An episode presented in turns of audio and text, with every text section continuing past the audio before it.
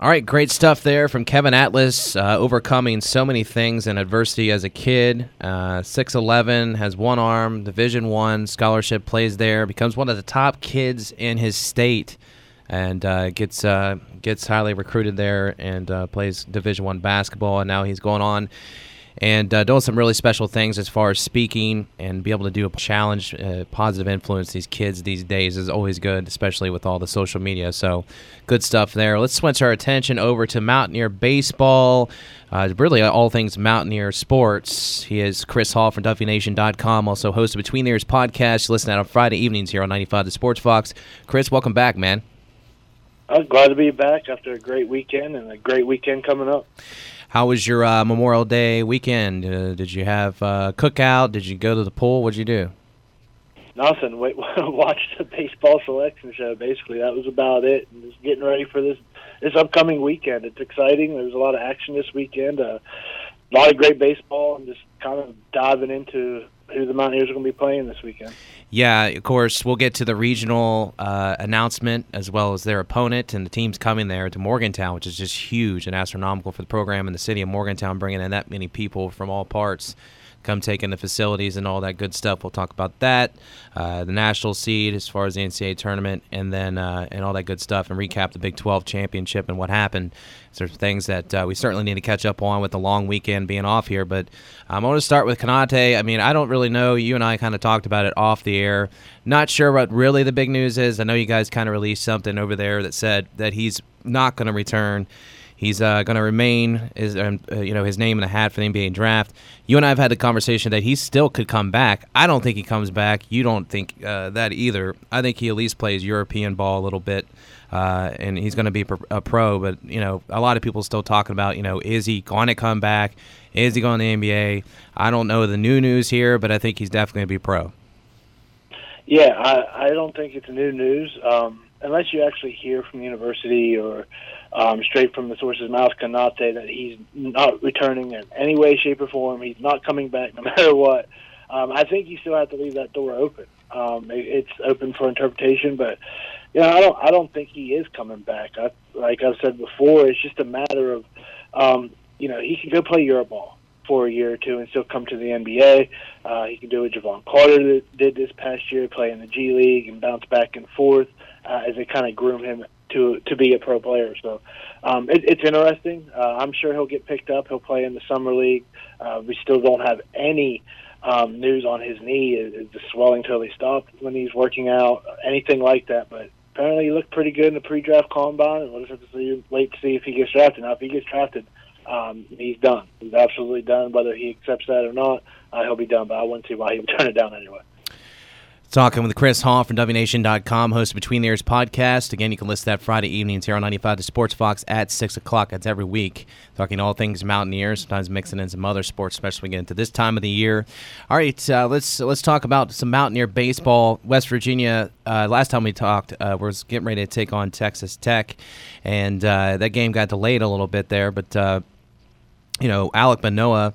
Uh, Alek Manoah did a phenomenal job stepping in there and getting the victory, um, and just did what Alek Manoah does. Uh, of course, we knew that Ace was going to be thrown at Texas Tech, not only that they most likely be in the next game, and West Virginia did a good job as well with the bats, but just being able to hold uh, you know, Texas Tech, one of the most, uh, you know, uh, one of the best offensive teams in, in, baseball, especially the Big 12 Conference.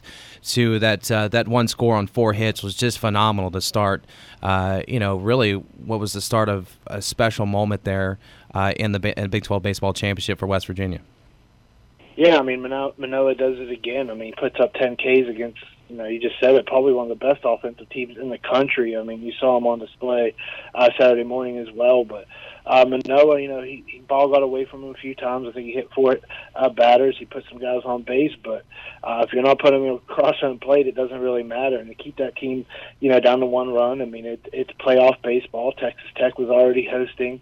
Um, the, they were primed, ready uh, to win that Big 12 tournament. They put everything on the line, and just for him to go out there and throw another performance like that uh, in, in a big time setting, you know, a Thursday night game or th- a big Thursday game, uh, it, it just it just goes to show you the talent level, the, the competitiveness of this kid. Um, for the way Texas Tech kind of put pressure on him, him, him to settle in and just do what he did. uh, just proves more and more that he needs to be the Golden Spikes Award winner. Moving over to you speak of Saturday, uh, Saturday morning contest, Texas Tech again advancing or being able to get a chance there to uh, to to not get eliminated uh, essentially, and uh, they face off against West Virginia in the early morning there, and not early morning, but you know later afternoon. What was a noon game? I can't remember at this point, but uh, it was one of the uh, middle of the road type of games, or was it the morning contest on Saturday? I'm I'm completely blanking, Chris. Did they play Saturday morning? Yeah, it okay, was, it was Saturday morning. Yeah, 10 Saturday. 10 a.m. our time. Yep, 10 a.m. Which uh, uh, these games are running together at this point. But 10 a.m. there in Oklahoma City. So then they take on Tech again, uh, and they saw that six-game win streak snapped. Uh, they they entered that semifinal contest with a 2-0 record, so they haven't lost yet. And Texas Tech was able to bounce back and give West Virginia their first loss there in the Big 12 championship, keeping Texas Tech alive as well. And uh, that was a 10-3 score there. What did you see happen in that uh, second game against Tech?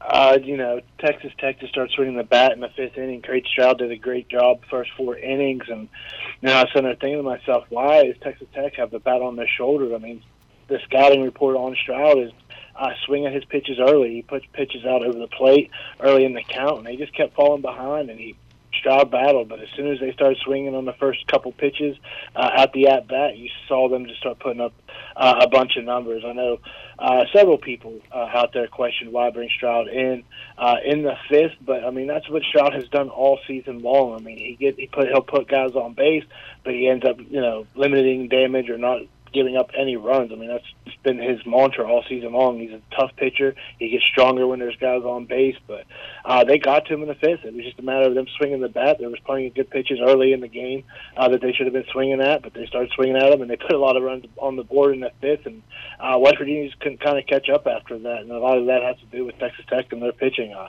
another great pitching performance from that bullpen of Texas Tech, but uh, the bats couldn't. They could just never get hot on the bats. T.J. Lake put up that home run and make it three two. It was kind of back and forth there early on, but uh, big fifth inning from Texas Tech kind of just kind of just uh, they just kind of took took that game away from them. Then you move over, speaking with Chris Hall from WNation.com, host Between the Ears podcast. You know, then we move over to evening round, which, you know, during those losses for West Virginia throughout the Big 12 championship tournament there in Oklahoma City, the pitching part where you're walking the leadoff batter was a huge part of that loss that we just talked about with Texas Tech. Also, not being able to make the plays, of course, uh, when ball was in play, being able to make some catches, uh, getting guys out on a throw.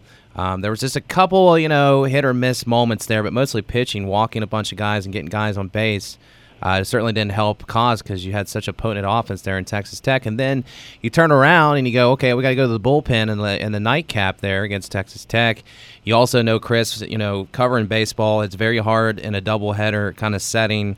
Um, you did have some time in between, but to be able to have to play a team again and get the win if you won the first contest of the day is extremely tough. And the Mountaineers, man, went to the bullpen. They had some young guys there. Bergert, uh, one of the guys, uh, jumps off. Uh, did a phenomenal job of shutting down. I know you and I talked about how just remarkable that performance was in that evening session on Saturday for the Mountaineers to advance to the title game. Completely different pitching that you saw from the first game Saturday to the second game. Yeah, absolutely. And I mean, it came as a surprise how deep uh, Bergert went. I mean, he he did throw three innings against Texas Tech early in the year and shut them out. Um, and he, he these freshmen, I mean, I tell you what, all season long they've come in in big time situations where his bases loaded, one out, and got out of it without giving up a run. I mean, I've talked to Mazey about it all season long about his freshman pitchers.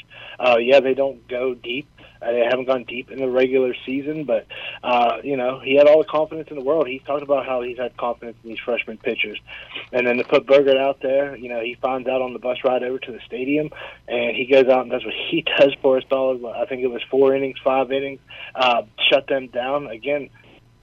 One of the best offensive teams in the country. Uh, it was phenomenal. Uh, he was putting the ball over the plate. They couldn't catch up to his fastball, kept them off balance uh, with the off-speed pitches, and uh, just that kind of showing. You know, you, know, you don't want to look too far ahead, but you look ahead. You know, you, obviously you're going to lose Alek Manoah. You're probably going to lose a lot of pieces, but all these freshmen that you see making plays, uh, two pitchers there. You go to Zach Ottinger, uh, picks up right where he left off. Uh, it was an unbelievable performance from two freshmen. Again, uh, with everything on the line, hosting a regional, heading to the Big 12 championship, for them to just go out there and do what they did is unbelievable. Yeah, you mentioned that you had some stirrings that if they did defeat Texas Tech at some point Saturday, they would get the regional uh, bid. Uh, certainly, that did pay off, and you and I both agreed that they were going to get that after beating Texas Tech and advancing, especially when you're talking about RPI, beating a team like Texas Tech, who's in the top 10 in most polls there, um, you know, twice in three games is, is phenomenal. And then here you are back in the Big 12 title game. Last time you were there was just a couple years back in 2016. Uh, unfortunately, they did not get the victory. Oklahoma State had a big uh, inning there. Was that around the fifth inning, Chris, when they had when they started getting some of those hits? You had some walks there, loaded the bases.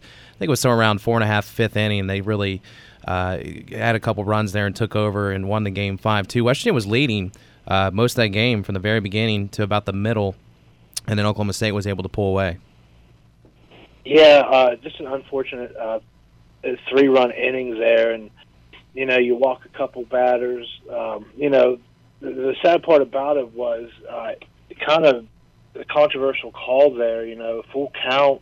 Um, the ump looked like he stopped play and awarded the guy first. And I don't know if the first base ump um, thought that he was being appealed, but he gave him the strike three call, and then he let the guy stay at bat. That should have been out number two.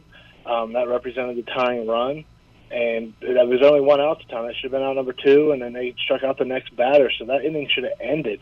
Uh, unfortunately, I don't, I don't, never got the explanation from Mazey on what the umpire said, but he called dead ball and awarded first. But then they said it was a foul ball, so not really sure what happened there. But um, Virginia missed an opportunity early. Uh, they had bases loaded, um, no outs, uh, and then they put up that their one run uh, there early, and then they had an opportunity in the eighth. So uh, that three-run inning, I think it was the fourth or the fifth inning there.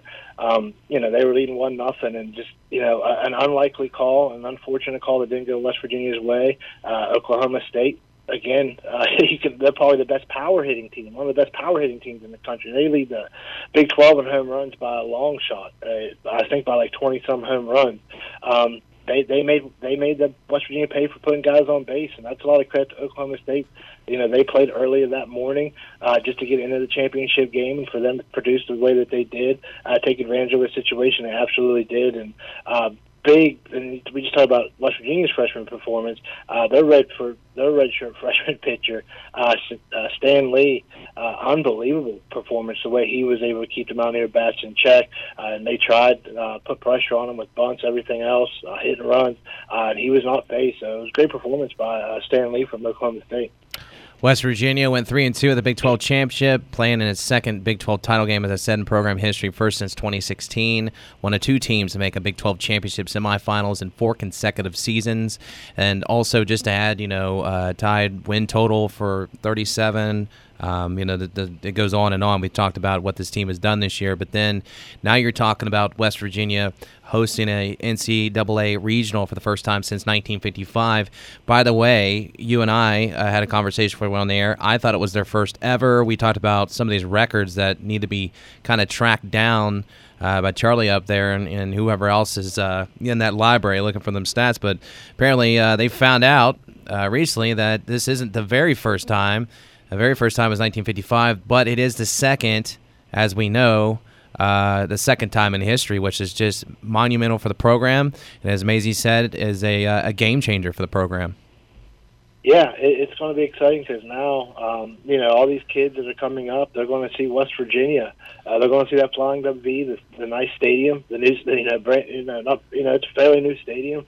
Uh, so all these recruits are going to get to see, and that they're going to be competing at a high level. If they don't know about Manoah, they'll get to see them this weekend. They'll get to see all these guys how they play, and everything else how, how Mazey does. So it's huge on so many levels because now, you know, Mazey mentioned it. Now you're going to get a bunch of a bunch of fans that may have not been to a Mountaineer game yet, uh, especially this season. You're going to get them, and now they're going to jump on board. It's just going to, it's just going to catapult everything. The season ticket sales, um, because I tickets are probably going to be sold out here very soon, um, and it's going to, you know, you're going to start seeing season ticket sales go up for the case, in case the chance they may host a regional again. So it's a great, uh, it's a great thing for the program, and just it, you know, we talk about recruiting in basketball and football, going to the bowl games, winning bowl games, the tournament. I've seen that flying Dub V and what the program can do, and uh, seeing how May, quickly Mazey turned around, turned this thing around, uh, and seeing seeing someone like Manoah is going to be a top ten pick out there on ESPN, uh, it's going to do wonders for this program. Mountaineers will be making their 13th NCAA championship appearance in program history, and again hosting the event for the second time in team history. Earned an at-large bid. Uh, the NCAA championship will host those uh, four teams for the first time. Well, those teams, the number two seed, Texas A&M, is the first team to ever play there in Morgantown out of the SEC, which is uh, really cool. Uh, which, of course, would be the one seed, Duke the three, and uh, I called him Fordham on the show today just to be disrespectful. Uh, Fordham uh, will be the four seed there. Mountaineers will open against Fordham on uh, May 31st. That's this Friday at 8 o'clock Eastern. You can actually watch it on ESPN3 if you are able to, or probably the ESPN Plus app or whatever you're using there to stream, or just basic cable, or not basic cable, but cable. Uh, and you can uh, watch it through that as well uh, over on ESPN3, which is really cool. We got Texas A&M and Duke. They'll meet in Friday's first game at 4 o'clock. Kind of talk about some of these uh, these teams because those are some good programs coming to Morgantown. Yeah, I mean Texas A&M. Uh, you know, th- this is a little different. You know, you, I'm sure everybody's used to uh, the basketball tournament, right? You have four one seeds. Uh, in baseball, you have 16 one seeds. So they, West Virginia was the second to last one seed, so they were 15th ranked overall. So you're essentially you're playing um, a 13 seed. If you're looking at the basketball, the ba- how basketball works, you're essentially working looking at like a 13 seed in basketball. So Fordham's a good program coming out of Atlantic 10. Uh, they faced Texas A&M at the beginning of the year. They got swept. Uh, you got Duke in this bracket. Duke beat Texas Tech. Uh, Texas Tech traveled to Duke after that series in Morgantown. They went to Durham. Uh, they lost to Duke. Texas A&M, great program. They were ho- they were hoping to host a regional. Uh, they felt like they got snubbed on hosting a regional. So you're th- you're looking at probably the second. Um, uh, I, I forget the math already, but you're looking at one of the tougher matchups as, as a two seed uh, in this bracket. So uh, it, it's definitely going to be a tough tough out here. Uh, this, is not going to be easy road to get through. Uh, even though you're hosting Texas A&M, it's great offensively. Uh, they've had some pitching issues, but uh, when it's tournament time, you know everybody brings their A game, and you got to feel pretty confident if you're West Virginia. You're at home. You're going to expect it to be rowdy, expect it to be sold out. You got great pitching. Uh, you got some great performances over the weekend. You can kind of rely on Manoah. We don't know who's throwing against Fordham yet. You kind of expect Manoah uh, to pitch Saturday in that second game, but we just don't know how Mazey's going to handle this yet. And I mean, I guarantee if it's Alek Manoah, uh, he wants to throw every game. I think he was trying to throw over the weekend uh, again after his performance Thursday, and obviously Mazey shut that down. But this is going to be a tough out. These are all great programs. I think once you get in the tournament, just like uh, I think it's a lot different than basketball because there's a lot more. Uh, I don't want to say parity because it seems like it's seemingly like the same teams in the World Series. But once you kind of get down in this tournament, there's a lot of parity. There's almost anybody can beat anybody, and Fordham's nobody to look past at all. They gave Texas Tech um, a great series just to open the season. Uh, there is a common opponent between West Virginia and Fordham Towson. Uh, Fordham went one and one against Towson this year. Uh, West Virginia beat Towson at home early in the year, so uh, nothing's for granted. And I think uh, if they're not careful, Texas Tech, uh, Texas A&M uh, could come out of this region because this is a really, really good program. Again, 8 o'clock for the Mountaineers. Fordham coming out of the Atlantic 10 there, as Chris mentioned, and they were actually the Atlantic 10 Conference Tournament champion. They're making their sixth NCAA championship appearance, first since 1998 for the Rams. And uh, Fordham went a perfect 4 0 in that conference tournament to beat Richmond, VCU, Dayton, and uh, then the Flyers again. Uh, 43 and 12 innings. They went 12 innings to win that title. So, um, really good program there in Fordham. And I mentioned Texas A&M, the first SEC team to play there in Morgantown. So, really cool stuff. Uh, looking forward to it again. The first game will be 4 o'clock. The Mountaineers will play at 8 o'clock on Friday, and that'll run through June 3rd there in Morgantown. Monumental, man. Monumental stuff. Before I, uh, I have two things I want to run by you before I get you off the air here. Uh, the first thing is, and I didn't tell you about this, but I want to get your quick thoughts on Art Briles being hired there in Texas. Uh, high school job. Uh, Mount Vernon, uh, I believe, is the name of the school. How do you feel about Art Briles being back in coaching and most importantly in high school?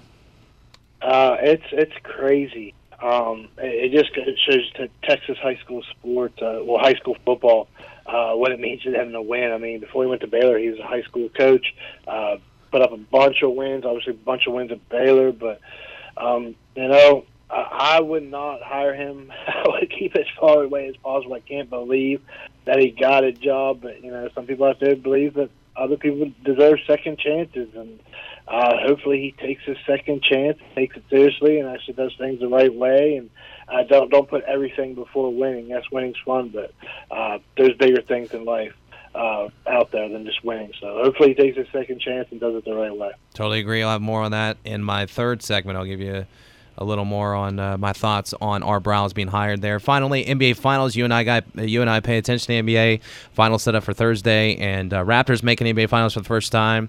It's uh, and the Warriors uh, seems like they live in the NBA Finals. Uh, the championship, as you and I have said, have runs to the Warriors.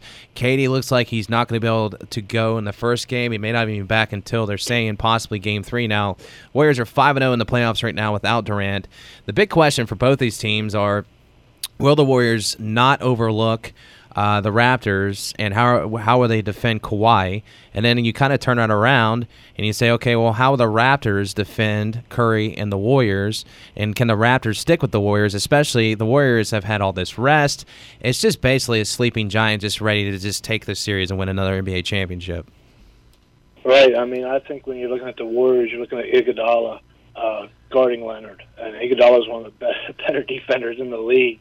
Uh, so they're going. Both those guys are going to have their hand full. And I don't know. I mean, I think that's the number one question.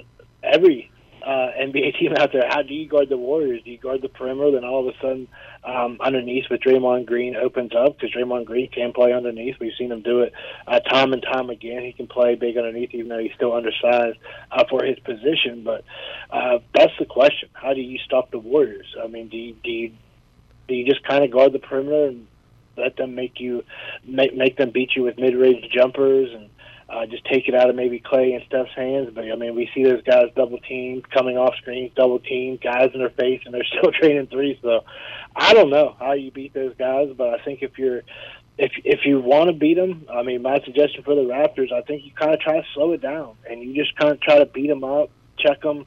Uh, when they come through, just kind of put a body on them, just wear them down. I mean, Steph is little. I think you can wear him down if you kind of lean on those guys a little bit.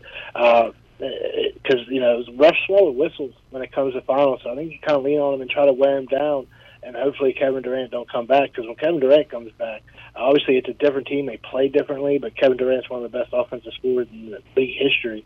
So I think if if, if they want a chance, they got to try to get it early. Um, I don't know how you're going to do. Uh, who has the series? I think it's what uh, the home court advantage is the Warriors, right? Or is it in Toronto? Yeah, Warriors are definitely going to have they have home court, right. I believe. So yeah. if you can steal one out there, uh, just kind of wear them down. Uh, I think that's basically your best shot. I don't. You can't run with them. But it's just going to have to kind of lean on these guys and just try to wear them down.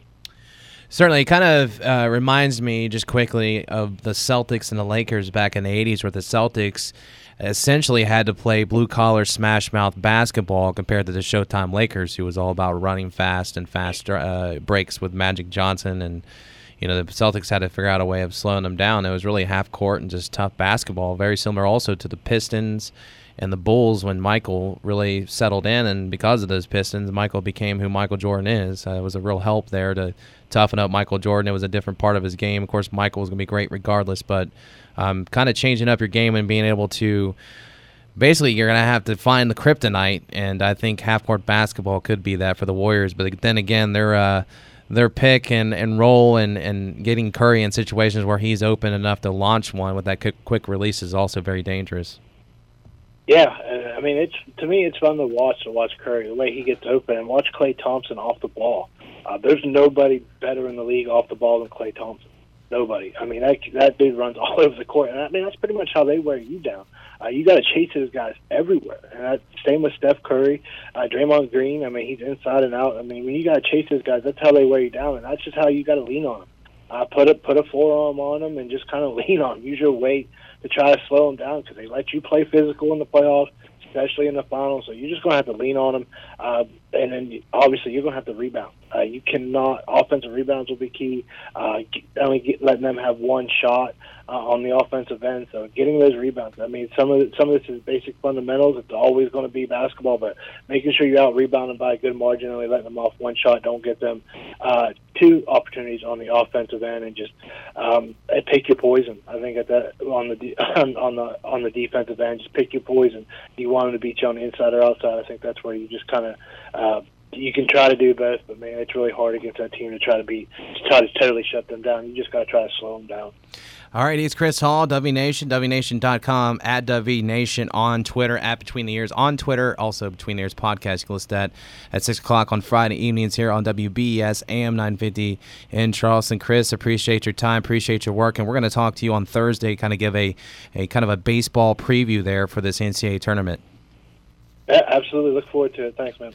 All right, there he is, Chris Hall, WNation.com, and host of Between the Ears podcast.